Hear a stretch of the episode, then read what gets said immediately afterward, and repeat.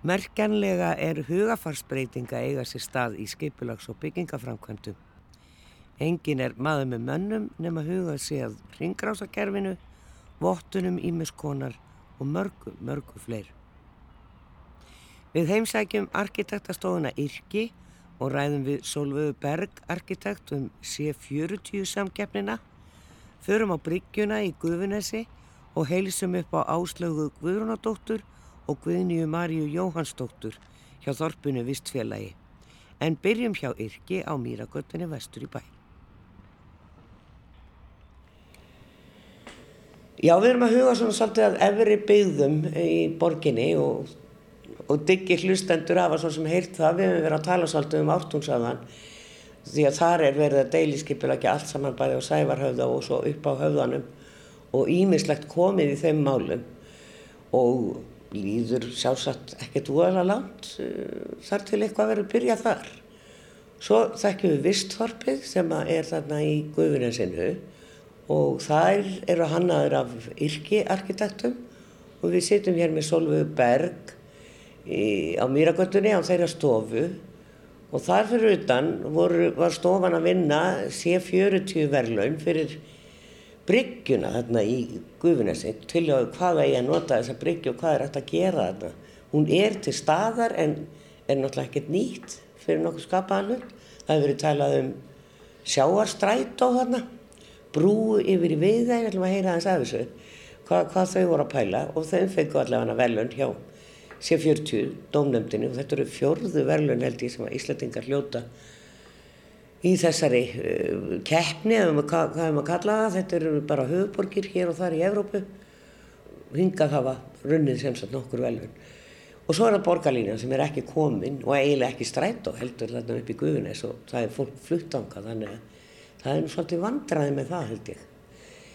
En Solveig, við erum hérna með stóra mynd eh, á skjánum af, eh, já, Guðunes Pér, Guðunes Bryggja, besta nafnið á henni á íslensku. Hvað, hvað senduð inn þarna? Segð okkur aðeins frá þessu. Já, sko við hérna uh, tókum þátt í þessari samkeppni með hérna með Þorpinu, Vistfélagi og fleiri góðum um, samstagsmönnum uh, og, og fólki um, og það í þessum, þessum verkefnum, C40 verkefnum, þá er mikil áhersla lögð á vistvænar áherslur og það þarf að uppfylla mjög ströng skilirði um sagt, hvernig þú ætla að ná fram ákveðnum, ákveðnum hérna, markmiðum varðandi vistvæni. Okkar hugmyndir uh, voru unnar um, í samstarfi við Þorpi eins og ég segi og það kom fljótlega uh, fram svo lausn að nota sagt, bryggjuna sem er svona steift stálþill uh, út í sjó að nota það sem grunn að baðaðstöðu. Þannig að þar geti orðið til uh, svona nýtt, ný baðaðstöða á, á nýjum stað í Reykjavík og það myndi þá tvinna saman uh, bæði aðstöðu fyrir almenning að geta farið uh, í böð þarna og uh, farið í sjóböð líka því að þetta er náttúrulega, þarna er mjög falleg hvít strönd og síðan væri þarna líka líkasættastöð fyrir hérna og, og, og þannig aðstafa og síðan væri hérna, væri líka möguleik á að, að setjast niður og, og borða jáfnveil neðarsjáar í, í í hérna, þessari bryggju. Erstu með fleiri myndir þar sem við sjáum þetta kannski eitthvað nær, þetta er svona fjarlæð? Uh, hérna sjáum við mynd af um, bryggjunni og hvernig hún hefur verið endur uh, byggt ofan á hana Já. og hérna við endan sjáum við hvernig veitingastæðurinn fer hérna ofan í sjóin og þar er í rauninni risastór glerfrontur sem að nær ofan niður fyrir sjávarmál og þarna niður getur setið og hort á hérna, sjávalínuna og, og hversu breytileg hún er. Um, hérna efri hæðum er síðan hérna, um, líkasæktar og spa aðstafa hérna. Efstu hæðinni eru, er, er í rauninni baðið, stórt bað hérna ofan á, ofan á annari hæðinni. Já. Og síðan er líka tenging hérna út í ströndina hérna um, um þessa aðstöðu. Já. Hér fyrir endan sjáum við síðan hérna uh, Hafnarhúsið sem er kallað Harbor House Þar er, eru við með aðeins öðruðsí starfsemi. Þarna eru, er leikskóli á jarðhæð sem er hérna inni í, í, í svona lokuðum gardi og aðstöðu hérna svona skrifst, opna, opna skrifstóaðstöður og síðan eru um, íbúðir, mismunandi íbúðargerðir hérna á eftir tveimur hæðanum. En, en öll þessi hugmyndafræði í kringum þetta svæði, hún hverfist um uh, þessa hugmynd í deiliskypulagi fyrir hverfið sem að þessi hugmynd um bátastrætó, þannig að þessi staður sem að núna er uh, hálfgerður útkjálki á svæðinni og er í rauninni ekki neinum tengslu við neitt, að hann verði í rauninni uh, stoppistöð fyrir sjávarstrætó mm. eða semst, uh, bátastrætó sem að tengir Guðunessið og, og Gravarvóin þess vegna Já. niður í miðbæ og það er jáfnvel hafa líka verið hugmyndur um það að það sé frá þessum stað verði 600 metrar lang brú yfir við þeim þannig að frá því að vera útkjálki í, hérna, á þessu svæði að þá verði þetta svona miðja þar sem að hérna, uh, sem tengir alla þessu ólíku þætti borgarina saman. Og, og það er rétt hjá þér varðandi strætósamgöngur að það eru auðvitað ekki langt komið núna og fólk er í vandraðum núna á svæðinu með að komast í strætó.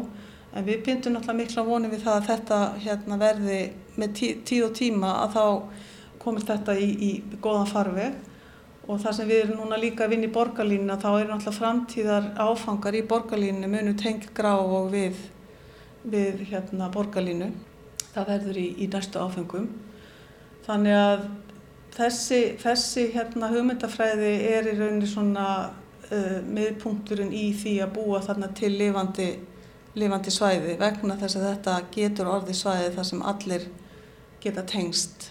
Þetta er náttúrulega, það er nú svo margt komið þarna sem að tengist kvikmyndaðinaði og fólk þekkir, þarna er Baltasar Gormangur með sitt stóra stúdjó sem hann beigði og þarna eru fleiri kvikmyndafyrirtæki, kuklið er þarna og uh, svo eru þarna leikmyndahöfundar sem að búa þarna líka á svæðinu. Þannig að það er ímislegt komið þarna.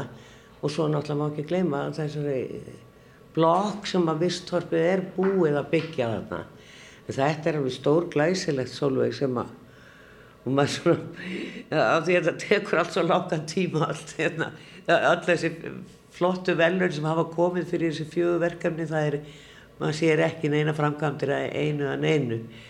Og, og það var bæði á, á Suðurlandsbrautinu, hodnur á Suðurlandsbraut og Kringlumýrabraut og svo timbublokk upp á Ártúmsöða og, og sílóinni á Bryggjukverfinu þar sem verður breytt í gróðurhús þetta er allt svona bara að maður segja bara sletti fasinerandi hugmyndir og þetta er ekki síðra þetta er, það er svona svolítið markmiði með þessi C40 að koma með svona svolítið útópískar lausnir. Já, það er, það er svona skrifað inn í, inn í hérna forsendur þessara verkefna er að, að, að viðkomandi borgir bjóði lóðir undir svona tilrauna byggingar þar sem leitaði lausna við það að búa til eins vistvænar byggingar og mannvirkins og kostur er. Og, og það er svona, og, og þegar björnin er unnin að því leiti að komið er búið er að velja verkefni á hvert stað fyrir sig þá er náttúrulega heilmikið eftir þá náttúrulega þarf að það þarf að finna leiði til þess að fjármagna uh, verkefni, það þarf að ná samningum við viðkomandi borgaröfuvöldi hverju tilviki fyrir sig og það þarf að semja um bara vinna nánar í þarfagreiningu fyrir verkefnið og, og þeir fjárfestar sem koma að þessu hvað, hvað er það sem þeir hérna, hvaða áherslur eru þeir með þannig að það er kannski ekkert skrítið að þetta taki langan tíma og það er auðvitað von til þess að ef þetta tekur þrjú-fjúur ára þá að lókum að þá, þá, þá verði þetta veruleika og, og, en, en vissulega þá eru svona verkefni þau krefast meiri undirbúnings yeah. Og hérna, meiri yfirlegu heldur en kannski hefðbundin byggingaverkefni. Það er samt margt að breytast í, í sambandi við það og ég heyri það bara á þeim hönnum sem ég er að tala við og yfirvöldum að það er alltaf fleiri og fleiri að hugsa um uh, ringrásakerfið og kólöfnisborið og, og arkitekta segja mig meðal annars að það, þeir sé ekki með eitt einasta verkefni nema að það sé einhver vottun í gangi, annarkors bregjanvottun eða, eða svansvottun og svo smátt er að byggja út timbrið, það sparar kólefnissporið og, og hérna, en hva, hvað segir þið hér? Er, er, er, finnir þið fyrir hug, hugafarsbreytingu? Já, við finnum, við finnum alveg fyrir því en, en um leið og hérna verkkaupar vilja spara að þá er þetta svona kannski það fyrsta sem að, sem að, að dettur upp fyrir. En, en enga síður þá eru arkitektar og hönnuður alltaf að vinna með eins vistvæna lausnur og hægt er. Það er ekkit endilega þannig að það þurfa að votta uh, byggingur sem að til þess að hún sé vistvæn. Hún getur alveg, það er að vinna byggingarnar þó að far, við förum ekki í þetta vottunar, þennan vottunar feril. Þeir eru náttúrulega búin að hanna þarna eh, blokkir fyrir vistþorpið og það er flutt inn í allavega einaðir, er það ekki reykt á mér? Það er flutt inn í held í þrjára eða fjórar. Já, já. Og þar í því tilfelli til dæmis voru við að vinna með uh, eins vistvænt og, og, og kostur var og þar voru til dæmis, það er eitt sem þú segir að kaupendur þar voru mjög meðvitað um það hvað, þú veist, hvers konar máling, hvers konar gólvefni, hvers konar hérna hvort það væri eitthvað leysefni í, í, í efnum og þannig að það þurfti að passa upp á allt, allt, alla, svona, alla svona hluti. Já. Já. Þú varst að segja mér aðan um þetta að það væri margir sem að vildi ekki gifsplöturna lengur einn. Já, það er hérna, það er, maður finnur það í ungu fólki að það er, vill ekki gifs, það vil frekar fá hlaðnaveggi úr svona léttu, léttum hérna, stein, steinefnum. Því að gifs, það, eða kennst raki í gifs, þá bara þá, þá hérna, bara maukast það og hérna þannig að það er, það er rétt, það er til dæmis í, í hérna í uh, Guðvinnessinu hérna verk, hérna hagkvæmna íbúð fyrir ungt fólk, þá, þá var þetta mjög ákveðið að við, við vildum ekki nota gifs, þess að fólk var bara mótið í. Formherni þetta uh, léttsteitt sem er hlaðin, er þetta eitthvað sem er farið að nota mikið? Ég hef aldrei hýrt þetta. Já, þetta er bara eins og vikusteitin í gamla daga. Já. Þetta eru bara, það er til nokkrar útfæslur af þessum, hérna, þessum, þessu hlaðna kerfi, bara í, í húsum svo ólst uppi hefur auðvitað hlaðin vekkur og þá er það bara úr svona léttum vikusteini eins og var þá. Já, já. Þannig að þetta eru bara, þetta eru bara sömu aðferðir, þetta eru já. bara svona eins og kuppar sem er aðað upp og... Og, og hvað með hljóðeinangrun þegar þetta er? Þetta eru bara, þetta er, þetta er alveg viðkendar aðferði við að búa til innveggi, algjörlega. Markmiði með þessu visthorpinu var að, að, í rauninni að gera litlar íbúður, engi ganga, spara allt, nota, nýta allt plássið vel. Íbúðunar eru mjög litlar saumar en það er allt til staðar samt, baðherbyggja og eldhús og En það er mikið sameigilegt, það var nú það sem var líka svolítið mikið lágast á. Já, það er, og við erum svolítið að vinna með þá hugmyndafræði þessu verkefni hérna á, hérna, á bryggjunni, er að, að, að þú samnýtir, um, að þú getur búið í minna ef þú hefur aðganga til dæmis hérna, sameigilegu uh, eldúsi og svona sál þar sem getur haldið veislur eða barnahamali eða, eða þú veist bjórkvöld og, og hérna, Þannig að, set, þannig að þá getur þú sparað fermetrana en, en, svo getur þú bókað inn á svona sameila aðstöðu og, og þetta er svona líka bara þessi hugmyndafræði um samnýtingu og samnýtingu bíla og samnýtingu hérna, til þess að spara og, og ein, einmitt þetta líka að vera með þessi vistfannu sjónamið að leiðaljósi í hvernig þú nýtir þetta deilihagkerfi, þetta, þetta er allt svona hluta sömu umræðinni. En, en þið eru svo að hanna þarna stærra fjölbylishús, það er bara í ferli, segirum við, og, og liggur núna hjá byggingafulltrúa og ekki búið að samþykja, en það búið að samþykja deiliskypilag sem var gert þarna. Já, já, við erum þar að vinna bara inn í, inn í þetta mjög svo skemmtilega deiliskypilag sem var unnið þarna í Vansbyggar uh, og við erum þar að vinna inn í, í, í hluta af svæðinu sem er svona aðeins, það sem er aðeins svona þétt, þéttara Þannig að við erum að vinna þar með svona aðeins þéttari sagt, og meiri nálega við næstu byggingar og þess vegna er svona nálguna því húsi aðeins öðruvísa heldur en í, hérna, fyrir þessar íbúður fyrir, sem er fyrsta verkefni hérna á Jöfusbási 11. Já. Þannig að já, það er sem samt unnið út frá sömu hugmyndarfræði um það að það er verið að reyna að nýta fermetrarna eins vel og kostur er en til dæmis í því verkefni þá erum við með hérna, bílakjallara og geimslur í kjallara Þannig að það verður svona aðeins hérna að það verður aðeins stýrara, já, já. aðeins dýrara af því að, að því já. að það eru fleiri fermetrar en, en enga síður það er svona sama svipið hugmyndafræði. Svo er maður að heyra sko að frákvæmdaðilar allir bara byggja, gera bílakjallarann og rekan verktakin í rauninni en sá sem er að byggja fjár, fjármóksaðili að reka kjallaranna og fólk þannig að það þurfi ekki allir að kaupa sér stæði. Já, þetta er alltaf umræða þegar, hana, þegar það er annarkvæmt skilda eða, eða, já, eða krafa um að, að byggja bílakjallara að þá er ofta einmitt spurningin á að því að ofta er ekki eitt bílastæð á íbúð, ofta eru færri bílastæði og, og þá er spurning hverjir vil maður kaupa sér sitt eigið stæði eða, eða hvað fyrirkomlega á að vera á, á bílastæðin. Núna svona nýjustu, semst, á síðustu missurum er, er mikið talað um það að bílakjallara standi ekki auður yfir daginn. Þannig að þegar fólk er farið til vinnu á bílanu sínum að þá nýtist á bílakjallarni fyrir þá atvinnustarfsemi sem er á svæðinu og þar að leiðandi er á engin eitt, neitt stæði, heldur er þetta bara fyrstu kemur fyrstu fær. Þannig að það, það er allur gangur á þessu og svo er náttúrulega í sumum húsum er bara hver og einn kaupir sér bara bílastæði og hann á bílastæði númer, númer 25 í kjallaranum. já. Þannig að það er, svona, það er allur gangur á þessu. Þetta er náttúrulega, sko, ég maður að hugsa kannski um þetta unga fólk sem er náttúrulega að kaupa þarna sem að er að kaupa kannski fyrstu eign og það var svona verið að stefna á þann hóp að, eh, að bílastæði kosta bara ein, upp yfir 10 miljónir dag. Já, auðvitað. Já, Já, já. Þannig að það, er, það getur alveg verið kostur fyrir fólk að bara sleppa því að kaupa sér bílastæði. Já. Það er engin spurning. Hefur ykkur að hugmynd um hvernig eh, fólki gengur í vistorfinu þeir sem eru fluttir inn að koma sér í vinnu og skóla og annað? Ég þekki það, reyndar ég, við hérna, veist, ég veit bara, ég hef bara heyrt af því svona eins og aðrir að það er náttúrulega, þetta er nýtt hverfi, það er hérna, það er allt í, það er allt svona á byrjunarreit. Ég meina, ég er nú sjálf alveg upp í breiðaltinu, þar voru svona ákveðni byrjunar, svona örðuleikar með ymsa hluti, þannig að, en auðvitað vonum að það bara að, að samgöngulega sé að þá hérna verði þetta í lagi. Fólk verður að bjarga sér á meðan, það er eins og ég segi, það hefur nú svo sem gerst í nýjum hverjum árbænum og eins og þú segir í Breiðholti og Gravarvogi og Gravarholti, þessi stóru hverfi og nú Úlfarsárdalur sem er orðin reysastórt hverfi líka. E, og þetta er svona í fjallæðin frá miðin og margir eru að vinna í þjættbylnu í Reykjavík, gamla bænum.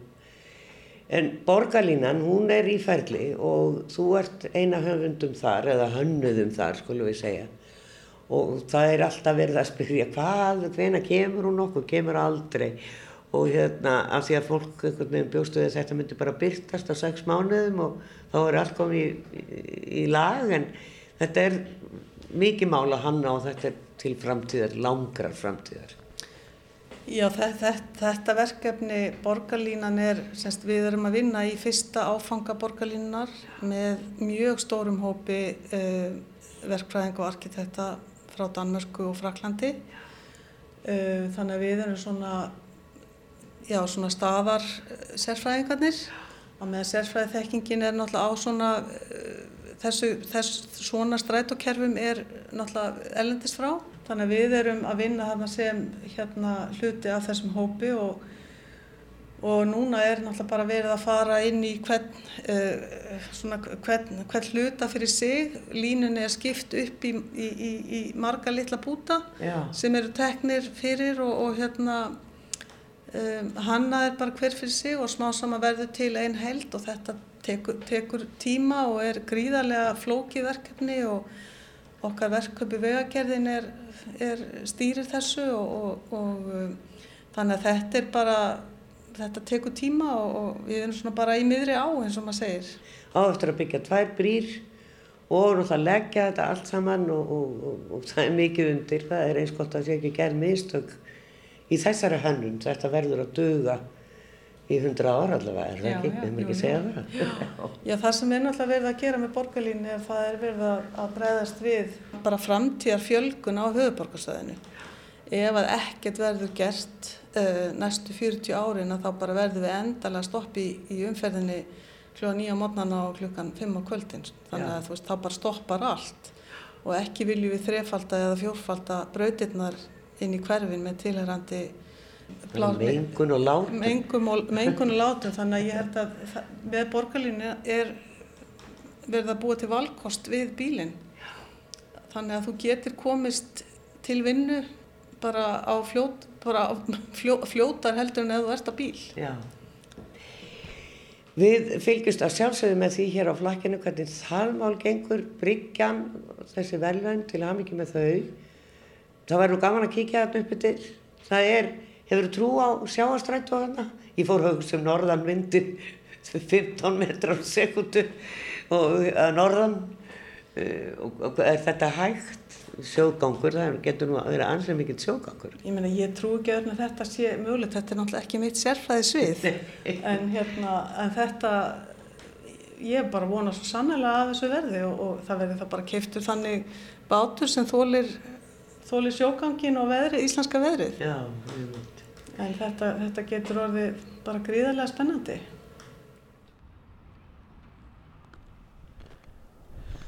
Þá erum við komnar hérna upp í Guðunis og horfum hér yfir sundin blá, Akrafjall og Esina náttúrulega, Skarseðin yngstar hana. Hvítur fjörusandur hér, við erum fyrir neðan kvikmyndaverðar hans Baltasar sem er fjandi stórt. Og svo eru nokkar gamla skútur hérna á landi. En þetta er náttúrulega bara í órækt og og svona bara gömul bryggja sem hefur ekki verið nótuð í, í mörg, mörg ár. En var sjálfsagt nýtt hér fyrir ábyrðavæsmiðin á sín tíma.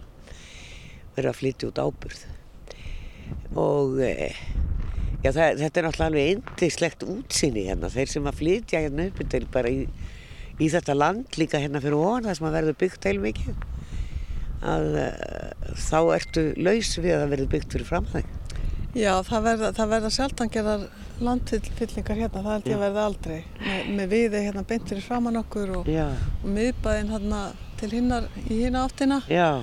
og svo náttúrulega grafóðin fyrir aftan okkur.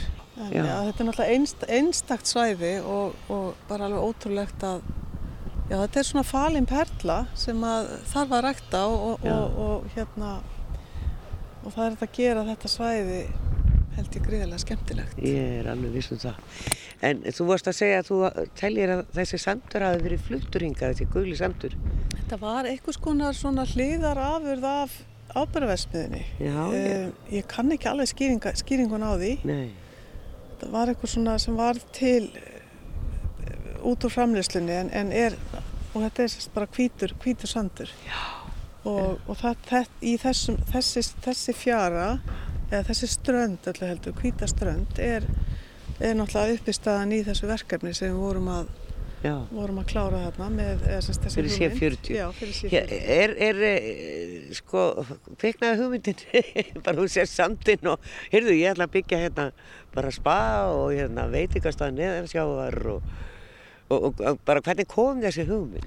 Sko þessi hugmynd verður, verður til hjá hérna hugmyndu deilskiplagsins. Já þeir strax þegar þeir eru að vinna þetta, þessa hérna, tillögu sem að síðan vann samkjöfna um deiliskypla hérna svæðinu að þá var þetta svæði alltaf helgað svona einhvers konar sá, það var strax á þau, þau því stíi sem að já, já, já. þessi möguleiki var, hérna, var síndur og við reynir tökum hann þessa hugmynd áfram og lengra og vinnum með, með hana og gerum hérna Já, vinnur tillögun út frá því að þetta sé eh, svona baðmiðstöð og sjósundmiðstöð. Og, eh, og það semst farir svona vel og það fer það sama við að hér getur farið með bátastrætó yfir í miðbæinn. Og svo eru þetta gríðarlega skemmtilega þessi hugmyndum að tengja hérna út í viði með gungubrú. Við skulum talta þess hérna lengra nýra á bryggjuna, við erum hérna alveg hefst, það blæs pínum lítið á okkur í dag eh, en fínasta veður og Þetta er nú bara svona eh, væn góla. Hér stendur hvað? Narvastaðir, fíla í eina átt og stuttisandur. Þessi eitthvað skildi hér og ná einum, einum búkanum. En förum aðeins hérna, sko, þetta er, þetta er nú hellerina bygging og tvær sem að þið eruð að pæli í þarna. Svo sem að er, önnur þeirra er á bryggjunni en Hinn er bara hérna, er það ekki? Jú, sem að bátarnir hérna, eru hér? Já, hún er bara hérna á kantinu. Já, já. Og hér hérna uh, er þessi, þessi hérna, timburbygging sem að verður 5-6 hæða þar sem að við erum að leika okkur þeirri hugmynd að það verði leikskóli á fyrstu hæðinni sem verður þá í afgýrtum gardi og, og börni nái þá hérna fáið þetta öryggi út frá því en, en, en bara þessi nálaði við sjóun sé mjög, mjög skemmtileg, skemmtileg fyrir, fyrir börni. Já, öruglega. Og síðan eru á efri hæðum eru þá vinnurými og íbúðir. Uh, íbúðir. Já. Já. Og síðan erum við komin hér út á kantin hérna, þá erum við komin í timburbryggjuna hér Já. sem er þetta gamla timbur og meiningin er að nýta uh, timbrið í Já. þessari bryggju, reyna að nýta það í bygginguna sem klæðning. Það er svona hugmyndin. Uh, þá tekum, af því að það þarf hvort þið er að taka þessa timburbryggju og endurvinnana, hún er Já, það gömul. Já, hún er orðin ansi lúin. Já. Og maður svona þegar maður kemur hinga þá finnst mann að maður getur bara seint þarna yfir. Þetta er svo stutt út í við. Já, já. Já, hérna, þannig að það væri tilvalið að setja brúð þarna bara Já. fyrir göng og hjól Já, og ekkert að fara með bíla þanga frekar en hinum einn. En, en það er náttúrulega engin plönum að byggja við þeim sem að ég er nú bara mjög fegin. já, Hvað sem að það endist, það getur náttúrulega alveg breyst í framtíðinni. já, já. Já, Borgarskipula er háð, háð breytingum í tíma. já, já. já Koma nýjar áherslu með nýjum fólki og nýjum kynsluðum en, en jú, jú, það er alveg rétt. Það er ekkert að dagskrá þar. nei. Maður, ég er nú að fjallum svo margt hérna á flakkinu sem að, og svo er maður að tala við Bjart sína arkitekta og framkvæmda aðila og alltaf þetta er bara að fara að stað og, og svo svona fer maður að gá árið tveimur síðar ekkert að gerast, ekkert hérna. Hve- Hvernig er svo tilfinning fyrir arkitektin að vera búin að leggja mikla vinnu í svona skemmtilega flotta hugmynd og svo bara býða? Sko, við þekkjum það nú bara mjög vel að það er verkefni sem við stofnum stofuna sem var hérna lækningaminjasafn hérna, nes, hérna Á í á- í Nesi. Að það er núna, þetta var 97 þannig að núna öllum þessum árum síðar er loksir, hilli loksis undir það að það súbygging verði klá, kláruð.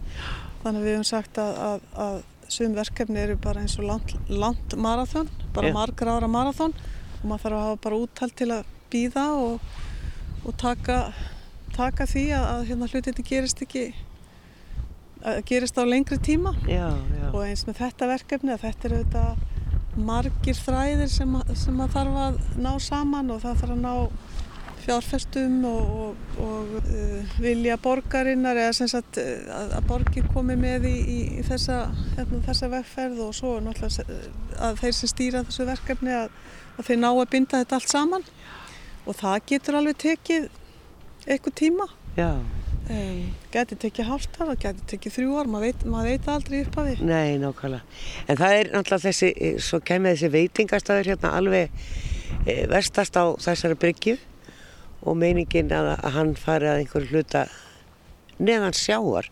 E, sko, hvernig er að byggja svoleiðis? Ég veit ekki, þú er náttúrulega ekki verkfræðingur en þið þurfum náttúrulega að hugsa um það sem hönnuðir, hvort að það sé hægt. Þetta lítur að vera Það mjög tæknilegt. Já, það er náttúrulega bara náttúrulega mjög flókið verkefni en engar síður hefur verið gert og það er dæmi um svona neðansjávar veitingastæði í Noregi, þekkt verkefni sem er algjörlega neðansjávar en þessi, þessi veitingastæður er hugsaður þannig að þú sért undir yfirborði hérna sjávar og þú getur upplifað sjávarborðið breyt, ver, þess, munin á og fjöru. flóð og það sé. Greinilegt á í glerinu.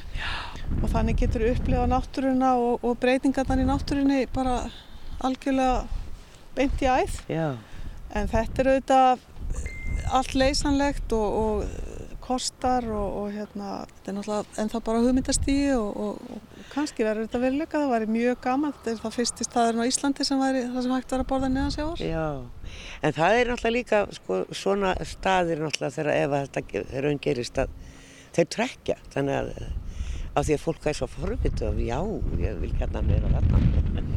Já, það er auðvitað þannig að, hérna, fólk vill afþreying og fólk, fólk vill gera einhverja skemmtilega hluti í sínum frítíma. Það er ekki Já. bara ferðamenn, það er líka íbúa borgarinnar og, og íbúa landsins sem vilja geta skoðað og, og upplifa skemmtilega hluti. Já, Þannig að þetta er bara eitt liður í því. Minna Skylagún er gríðalega vinsalt núna. Ég reyndi nú að fara þangað um helgina, það var bara algjörlega upphantað. já, það er nú bara út á Nesi í Kópavogi sem að maður Já, svona við fyrstu hugsun hefði ekki ímyndað sér að væri Nei, og myndi- yrði, ég maður svona held að þetta yrði eitthvað svona vola mikið kids eitthvað, af því að þetta er ekki náttúru, þetta er allt búið til, Já. smíðað. Og hérna, Það er gríðarlega spennandi Já, verkefni og bara he er hefur tekist bara mjög vel þannig að, að það er, ég held að sé bara um að gera að, að reyna að gera borgina meira og meira líflega eftir því sem að hérna, í líður á og fólki fjölgar. Já, Ef maður fyrir kaupmannhafna það er, það er gríðarlega mikið og skemmtilegt að gera þar og það er einmitt svona það sem að fólk hefur verið skapandi í hugsun og borgaryfirvöld og arkitektar og fjárfestar eru endalust að finna upp á nýjum skemmtilegri afþreyingu sem að endur speglast í arkitektúr og, og, og skipulagi. já. Ég ætla að vona að ég eigi eftir að lifa að sjá þessar, þessar veljuna tillögu ykkar og, og allar hinnar þrjár sem eru líka í byggðstöðu sem að innan þessa C40 verkefnis sem að er verulega spennandi.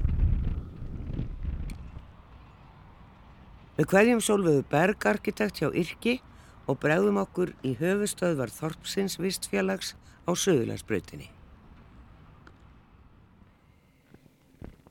Lítið fyrirtæki sem að byrtist allt í einu á markanum fyrir nokkrum árum síðan og ákvaða að byggja eina litla blokk upp í Guðunissi fyrir fólk sem að vildi eignast þak yfir höfuðið fyrir ekki eins mikinn pening og við þurfum flest öll að leggja út ef maður allar í, út í það og tekjur framtíðar eins og þau nefna. Við erum að tala hér um fastegna þróunafélagið Þorpið vistfélag sem er nú orðið ansi mikið stærra bara á nokkrum árum og er heilmikið á döfinni í framkvæmdum hjá þeim. Ég komur hérna á skrifstofu þeirra í, á Suðurlandsbraut númer 30 og hér sita með mig Guðni Marja Jóhansdóttir og Áslöf Guðrunadóttir. Sko það, þetta er allt hérna upp frá, Ártúnsöfðin og Guðunesið. Það eru komnar hérna tvær blokkir. Nei, nei, það hefur konar, það hefur verið að reysa fymtu blokkina. Hvað ertu að Það segja? hefur verið að klára hana, sko. Að Við fáum hana afhenda frá verktakarinn núna bara fyrsta november og þá hérna, getum við framhaldi afhend kaupendunum sem að það er alltaf búið að selja allar þessar íbúður og þá eru þetta 137 íbúður sem eru seldar þarna, við Jöfurspás eins og gatan heitir hann í Guðunissi þar sem að þessar, þessi hús standa. Já það hefur aldrei skengið hrætt, ég var nú hann, ég tók nú ekki eftir nema þremur. Nei. Nei. Nei, nei, þú kannski bara að því það er náttúrulega, þetta, þetta er afgirt, þetta er náttúrulega byggingarsvæði ennþá þó að íbúðarnir séu nú fluttir inn en hérna þú kannski bara ekki farið, séð þarna það sem er á bakvið eða eitthvað. Já, akkurat. Ég til ham ekki með það og það er sko, það er greinilegt að fólk vil breyta til og eignast bara minna húsnæði því að það er svona kannski áherslöfna sem eru hjá þorpinu að minni íbúðir, enga ganga, ekkert vesen, enga geimslur og svo að deila kannski stærri rýmum þóttahúsum og öðru. Já, hérna við tókum náttúrulega þátt í, í samkeppni sem borgin helt um að útfæra hérna, húsnæði fyrir ungt fólk og fyrstu kaupendur og það er alveg skilir þarna að þú verður að vera undir ákveðnum aldri og þetta verður að vera þín fyrsta eign bara til þú hérna, er séns á að komast að nað og svo bara hrúðust inn umsóknir og þá voru bara dregnir út þessir hérna, kaupendur og bygglistin er endalust langur og ég fæ símtölu og tölupósta hver mennsta degi frá fólki sem bara hvað er allir að byggja næst og hver get ég sótt um svona íbúð sko. Já. Þannig að þörfin er enn gríðaleg sko. Mikið bara leðinlegt að geta ekki bjarga öllu þessu fólki sko. Svo í framhaldi er sagt, félagi bara að stækka og við erum að fara að gera fleiri hluti en akkurat þetta. Þetta gerum við náttúrulega í samstarfi við borginni og þá náttúrulega hérna, er ákveði verð á, á lóðinni og svona og ýmislegt gert til þess að það sé mögulegt að, að byggja svona hagkvæmt húsnæði en það er ekkert hægt kannski annar staðar. Það er Yrki, stó, arkitektastofa sem að hannar eh, þessar blokkir þarna upp í Guðunessi. En þú ert að koma hérna svona tiltölulega nýkomin inn í fyrirtækið. Ert svona að þróa já, umhverfismálinn kannski? Já, það er eitt af því sem við leggjum áslag við þorpinu, það er einmitt og kannski kemur fram í nafni félagsins, þorpi vistfélag, að við viljum einmitt byggja vistvænar íbú, íbúðir og við erum að fara í uppbyggingu á ártúnsöða á 80.000 fermetrum ofanjarðar sem við erum með þar og allar okkar íbúðir sem við munum byggja þar verða svonsvottaðar. Þannig að við ætlum að ganga langt í því að tryggja í rauninni svona eh, hérna, gæði í þeim íbúðum fyrir íbúinu sem þar munum búa, bæði á byggingatíma og í hönnunaferlinu og svo auðvitað bara eins og þessi staðall svansvotunar og, og þessi úttekt gerir ráð fyrir að þá meðal annars er farið yfir bara rekstur íbúðurinnar á líftíma. Þannig að þetta setur ákveðna kröfur á okkur auðvitað í framkvæmdini og hönnuninu og öllu. Og það er það sem við viljum gera og, og við sjáum að fleiri verktakar og þróunar aðlar í borgin er að gera þannig að teljum að það sé framtíðin. Þannig að við leggjum mikla áherslu á þessar hluti auk þessum að eins og við höfum gert í verkefninu okkar upp í gufinnesi að við erum að horfa mikið til þess að mitt að vera með þessa samnýtingu á rýmum. Þannig að það sé í rauninni eins og þar eru við með þegar öllum framkvæmdum er lokið þar þá mun íbúar fá þar aðfendan veistlusal eða eldhús þar sem er hægt að halda ammæli og vera með minni móttökur og þar sem íbúar við sem íbúar þurfum oft að halda upp á alls konar viðbyrði sem er erfitt kannski þegar þú ert í, í 30 fermetra íbúð. Og þar verður líka sameilegt þvóttahús þar sem að fólk hefur aðganga þvóttavilum og þurkurum til þess að, að sinna því.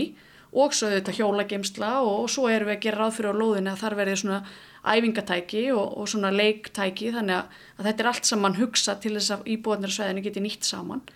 Þannig að þannig erum við svona svolítið líka að búa til um samfélag sem að er að deila þessum, þessari aðstöðu og erum leið að kynnast og þá verður þetta til ákveðin samkjönd og þannig að við höfum svona nota það hérna innandir að við erum kannski ekki e, þróunafélag sem er bara til byggja íbúðir eða þróa íbúðir og koma þeim út á markað heldur er við í rauninu að búa til samfélag Arkitektarnir að þessu upp á breyðhafða Já, það er nú fleiri en einn, sko. Við erum nú í hérna, samtali við hvað er þetta orðna margar stofur. Sko, Arkis er að hanna fyrir okkur raunni fyrstu, fyrsta húsi sem er á Breiðhjóða 9 og svo erum við komin að staða með hönnun á Breiðhjóða 15 sem er loðum við hliðina. Og það er Nordic sem hannar það fyrir okkur. Og svo erum við að, að skoða hönnun á reiknum þar við hliðina og meðal annars erum við komin í samtali við Ask varandi það. Og erum svona að skoða pælingar um þar er gert ráð fyrir skrifstóturni sem við höfum mikinn áhuga á að fá mjög grænt yfirbræð og verði svona mikið og stert kennileiti fyrir hverfið og er í skiplagi mert sem kennileiti sem að því að það þarf að vanda mjög vel til skiplags og okkur, okkur langar mjög mikið að taka þann turn svona áfram og, og hérna, fara út í svona utopískar hugmyndir um hann. En það er askarlæki sem er deiliskyplaðið? Jú, þeir eiga deil, þessist hönnuður deiliskyplagsins. Já. Það sem að ég fólktu augun í þá og ég talaði nú við Pál Gunnarsson, arkitekt þar, um deiliskypulegið. Það er doldi, verið að byggja doldi hátt uh, og, og þá við maður að hugsa, sko, var, við verðum að hugsa um sólaljósið og byrtuna og hér á veturum er náttúrulega bara, er sóli lárétt og... Já, það er náttúrulega þessi hái tört sem við erum að tala um, en annars eru hinn húsin, þau eru hvað hæst fimm hæðir Já. og svona stallast niður á mótsvið suðvestur, sko, þannig að hérna, efstu íbúðunar þar eru kannski með hérna, góðan garsvalir og, hérna, og fá allt, alla þá byrtu sem til er sko og svo eru hérna, íbúðunar á neðri hæðunum, það eru þetta hugsa, hugsað um þetta allt saman að, að hérna, það er allir njóti byrtu sko, þannig að mm. þetta er nú ekki háar byggingar myndi ég segja sko. Nei.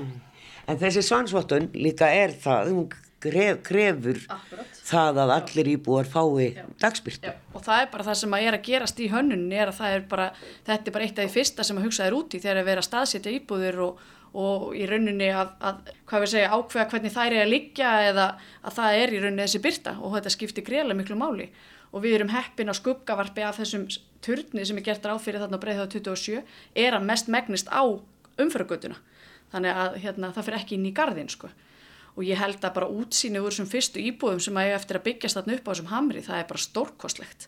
Og í rauninni horfur beint yfir vóakverfið og yfir, í rauninni bara yfir höfuborgina og miðborgina. Og svo ertu með útsýni á esjuna, þú veist, á, hérna, á hinbóin þannig að, að þetta eftir að verða alveg stórkostlega flott hverfið þegar það eru full byggt og, og náttúrulega mikið hugreiki í skipulæginu, það er náttúrulega skipulægið er bregamótað sem að gerir mikla kröfur líka. Þannig að við erum að sjá bara alveg hérna, nýja tíma í þessum skipulægsmálum og þetta hverfi verður svona eins og menn hafa sagt grænasta hverfi í borginni. Að það er mikið til í því vegna að það er þessar kröfur náttúrulega setja þessar hluti í allt annað samingi og, og ég minna það útkoman á að verða allt önnur heldur en við séð hinga til sko. Vafalust verður þetta mjög skemmtilegt hverfi og nýra á Sævarhauða og náttúrulega Bryggjukverfi sem er þegar í gangi. Þarna eru ennþá náttúrulega þessar stóru vesmiðu, semesvesmiðan og malbökunastöðin og allt er á sínum stað þarna. Mm og þannig að maður sér þetta kannski svona 5-10 ár fram í tíman og þá verður þetta komið svona aðeins meira staði hins vegar erum við búin að vera að horfa á sveipa hverfi vogabyðina nýju sem að eh, kannski ekki með eins mjög stór fyrirtæki og gámafélagi var jú þar. Og vaka var þar eh, og það gengið bara nokkur hatt Já, þetta gengur bara vel. Ég ætla að segja, sko, ég fór hann um daginn með ljósmyndara hann uppið til þess að svona reyna að ná mynd af því hvert verður útsýnið úr þessum hérna, útsýnis íbúðum og við fórum hann um svæðið og vorum að taka þetta myndir og ég verði alveg veikinn að það er mjög erfitt að sjá fyrir sér íbúðakverfi eins og þetta er núna, sko, því það er náttúrulega gríðarlega mikið af eins og segir, gömlum vesmiðum og þetta lítur nú ekkert svona selga spennandi út en þetta var svo góð dagur, sólublíða og maður fann alveg hvað er mikið veðursælt aðna. Það er á plani að þessi, þessi hérna, þessa vesmiður fari svona eina af annari og, og það er stutt síðan að voru þarna bara alls konar bílasölur og svona þetta, þetta er að gerast og það eru hafnar framkamtir þarna, ég veit ekki alveg hver það er sem er byrjaður en það er allavega verið að rýfa þarna einhver hús og, og svona þannig að Já. þetta er allt komið í gang. Og menn tala um að umhverjusvænasta húsi sem þú byggir er húsi sem þú, þart, sem þú endur gerir á þess að þurfa að rýfa nokkuð. Mm. og, hérna, og steipusílóin eða steiputurnarnir á ortnarsæðir dæmi um það. En þannig að það skiptir auðvitað allt líka máli.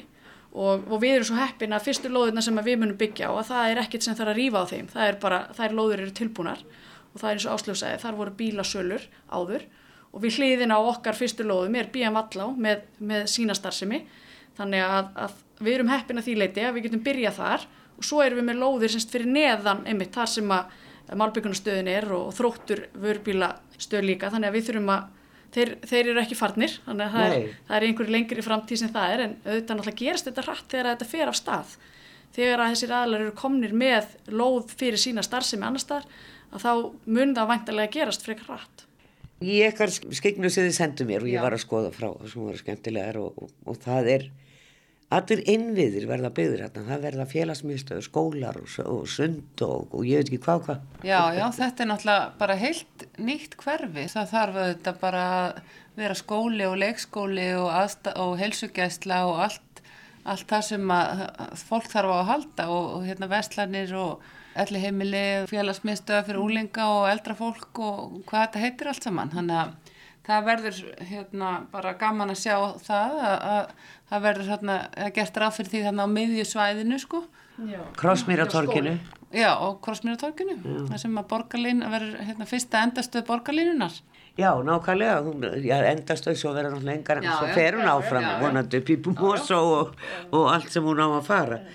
Og, og það eru sjálfsagt margir rótni langegir eftir að sjá svona byrjun á ymmit ástrætt og kerfinu nýja en e, það er nú eitt af vandamálunum hérna í Guðunissi mm.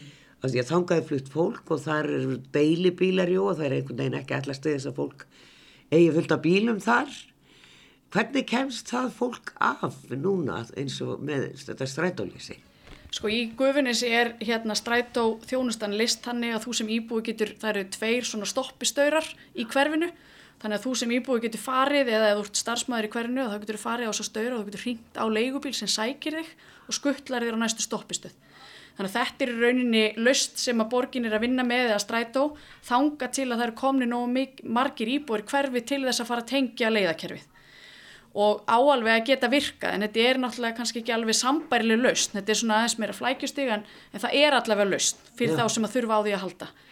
Þannig að þannig er verið að leysa það þar það sem við eins og bara þurfum alltaf að hafa í huga er í uppbygging og nýjum hverfum, bæði í gufunissi sem ég segi nýtt hverfi, þetta er nýtt íbúakverfi og ártónsöða, er að uppbygging á íbúðum verður að haldast í hendur við uppbyggingu á innviðum. Að við getum ekki verið í mörg ár með íbúa í hverfum þar sem ekki er búið að ganga frá yfirborði og ekki eru komnar samgöngutengingar og ekki er svona almenn þjónusta og það sem að fólk veist tarf til þess að geta búið á þessum stöðum. Þannig að það er líka sama hérna, verkefni sem býður okkur ártúnsöða. Það er allir uppbyggingar aðeinar komið sér saman og eigi samtal við borgina um að stilla þetta svolítið af. Að fara ekki að byggja upp þarna, hérna, íbúir fyrir mörg hundru manns og, og við erum ekki komið neitt að staði neinar innviðafrankvendir. Og borgarlínan er núna nú búið að fresta þessum hérna, áfangavarandi ártúnsöðan miðborg til 2027 En staðrindin er svo að í skipulægin ártúnsöða, þar eru við til dæmis að hanna á, á fyrstu lóðun okkar, þar eru við með 55 íbúðir en engungu 30 bílastæði í bílastæðikjallara. Þannig að það liggur alveg ljóst fyrir að íbúðarnir sem að þarna munum búa er ekki að fara að fá bílastæði og hvað þá tvö fyrir hverja íbúð. Þannig að þetta er að gerast núna, þessar íbúður getur verið að koma út á markaðin eftir 2,5-3 ár en borgarlínan 27. Þannig að, að það er alveg, þetta verður alveg áskorun og þetta er bara hlutur sem við getum alltaf gert betur í það er að stilla saman þessa innviða framkvæmdir og þjónustu uppbygginguna í þessum hverfum við uppbygginguna íbúðunum. Þetta er kannski svolítið þitt hlutverki í þessar samræðu við borgina. Já, og þetta er bara það sem að borgin er að gera mjög vel og gerði út í gufunissi að þau eru bygguð til samstagsvettvang þar þar sem í rauninu þessir aðlar sem eru þar með starfsemi og eru með þróun hittast reglulega og eru þá í rauninu samtali við starfsmenn frá borginni og ef að þarf að ræða til dæmi samgöngumál og þá bara fáum við fulltrúa sem að geta tekið það, það samtal við okkur. Og þar höfum við þennan vettvang og það sama sjáum við fyrir okkur að gera ártúnsöða að við getum átt einhvern svona vettvang þar sem við erum að stilla okkur saman að því að hagsmunninir eru samheinleir í að þetta gangi sem best fyrir sig. Og við séum í rauninni ná að stilla af til dæmis framkvæmdir veitna ártúnsöða sem er bara risastórt verkefni að þetta skiptir allt máli að sé unnið í einhverju tímalínu sem að passa saman við uppbyggingun á íbúðunum Já, þetta þarf, þetta þarf svona einhvern veginn að smetla saman, skiljum. Það hefur alveg skilning á því að skipulæðið þetta er bara að gera ráð fyrir því að, þú veist, við erum að byggja til framtíðar og framtíðin er, að, er svo að fólk kýs aðra ferðamáta heldur en að vera á engabílum. En, en, hérna, en hins vegar má ekki vera ómikill tími frá því að þessar íbúður þess, sem byggja á þessu skipulæði koma marka og þanga til að vera komin með einhverju löst sem að virkar. Já. Og við þurfum líka að hugsa til þess og, og minna, við hjá Þorpinu Vistfélagi leggjum mikla áslað það að byggja minni íbúðir að því við sjáum það að eftirspurnin er gríðalið þar og við fengum nú bara í síðustu viku upplýsingar og, og fréttir um það að, að það væri mikil aukning í aðfluttum versus brottflutta frá þessu landi og mikið af því fólki væri undir færtu og væri að koma hinga til lands til að vinna. Og þetta fólk þarf litlar íbúðir, það er ekki að fara í íbúðir eins og ártúnsöða sem eru að meðal stærð 85 fermetra stórar. Þannig að við þurfum líka að huga þessu að, að byggja undir í rauninni sko, notendur á borgarlínu og vera svolítið opinn fyrir því líka að segja markaðurinn er að kalla eftir minni íbúðum og skipulögin þurfa þá að taka tillit til þess. Þannig að, að við mögum ekki vera í því að byggja of stórar íbúðir uh, ef að markaðurinn er að kalla á veist, breytingu þar á. Já. Þannig að við höfum svona verið svolítið að flagga þessu og við sjáum það upp í gufinnesi að eh, eftirspurnin eftir þeim íbúðum sem eru litlar og hafkvæmar, hún er mjög mikil. Mm. Svo er alltaf náttúrunatinn kring svona í lokin og, og við þeir þarna skamt undan og, og, og Solveig Berg er búin að vera að segja okkur frá þessu skemmtilega verkefni sem þau unnu í C40 eh, með eh, eiginlega bara útópískum byggingum niður, niður á bryggjunni. Já. Þetta náttúrulega er, er svona búbót fyrir ykkur inn í þetta nýja hverfi að, að ef að það gengur eftir og verður byggt. Já og það er náttúrulega bara þessi möguleikar að komast gangandi og hjólandi út í viði. Já og tala ekki um að við getum tekið vatnastræta úr gufinessi nýri miðborg. Að það náttúrulega verður alveg gjör bilding en já við sérst unnum hérna vorum með vinningstillöguna því þess að sé 40 eh, samkeppni. Og þetta eins og segir er fjóruða verkefni sem að fyrir gegnum þetta hjá borginni. Og, og þetta er allt saman mjög stórar og háleitar hugmyndir. Og ég held að það er akkurat það sem þarf í þessi verkefni og þarna sjáum við fyrir okkur einmitt að nýta í rauninni sko sögu bryggjunar að byggja svolítið á því að bryggjur í gegnum tíðina hafa alltaf verið svona samfélagsstaður og þar hefur fólk komið saman og farið til veiða og, og ég er sjálf fætt á uppalana þó sem það langan þessi þannig að ég tengi svo mikið við bryggjuna hvað hún skiptir miklu máli skilur, hafandi verið hérna, mikið á henni með pappa í gamla daga En þarna aftur erum við með rosalega flotta hugmynd sem að einmitt gengur út á það að nota bryggjuna til þess að byggja þar upp í rauninni aðstöðu fyrir líkamsrækt. Og að þar getur þá verið upp á í rauninni svona aðstöða fyrir potta og svo les, tengja það við kvítuströndina sem er hann í Guðunissi, sem er náttúrulega bara alveg stórkoslegt fyrirbæri. Og svo væri þá í húsinu sem er upp á landi að þar væri við í rauninni með þá leikskóla sem við erum búin að gera ráð fyrir að, að það er mikil vöndun á því að fjölga þeim í borginni og svo væri við þá þar að byggja inn líka aðstöð fyrir mögulega bara skrifstofur til útlegu og svo minni íbúðir þar sem að væri hægt að vera með litlar einingar og svo deila eldhúsi og samverurými og öðru Já. og jafnvel þú veist að rækta upp á þakki og, og svona svolítið þessi sama hugmyndafræði og við erum að vinna með hjá Þorpinu að reyna svolítið að líta á þetta sem samfélag en ekki bara íbúður fyrir fólk til að búi. Mér langar bara að bæta öðru við að því að, að það hefur ekki komið fram. Þetta er semst eina fjölbílhús í Reykjavík sem stendur við sjóin. Það, er, það er engin, það er engin garður á milli eða neitt svoleiðis. Þetta er svona hérna, venjulegur sjávalóður. Það eru dýrar einbílshúsalóður hérna, meðfram ströndinni sko. En ofslag gæðaleg lóð fyrir, ég minnst að vega svo upp á móti því að þetta eru kannski litlar og ódýrar íbúðir en sko gæðin við það að búa þarna við sjóin eru svo mikil. Sko. Það er mitt fullir, þetta sé eina fjölbílshúsi sem að stendur við sjóin án þess að sé varnargarður eða hraðbröð og milli. Já. Og það er hugrækt hjá Reykjavíkuborg að setja þessa lóð á þessum stað í þetta verkefni. Mm -hmm. Og íbúðinni njóta svo sannlega góðs af því, að það er alveg stórkoslegt útsýnið enn í gufinnesi. Og maður þarf bara að fara, ég er búin að hafa mörg samtölu við fólk um þetta hverfi og uppbygginguna og áforminu og svona og það, þú verður bara að mæta á staðin til þess að upplifa það. Þannig að ég er mjög spennt að sjá hvernig gufinni sem byggist upp. Ég held þetta eftir að verða eitt mest spennandi hverfi í, í, í Reykjavík innan 5-10 ára. Þó við sjáum það ekki í dag þegar við stöndum hana, en þá bara gerst þetta svo hratt þegar boltin fyrir rúla. Sáðu þær stöllur Áslaug Guðrúnadóttir og Guðni Marja Jóhannsdóttir hjá Þorpunu Vistfélagi og við sláum lokapunktin hér. Verðið sæl.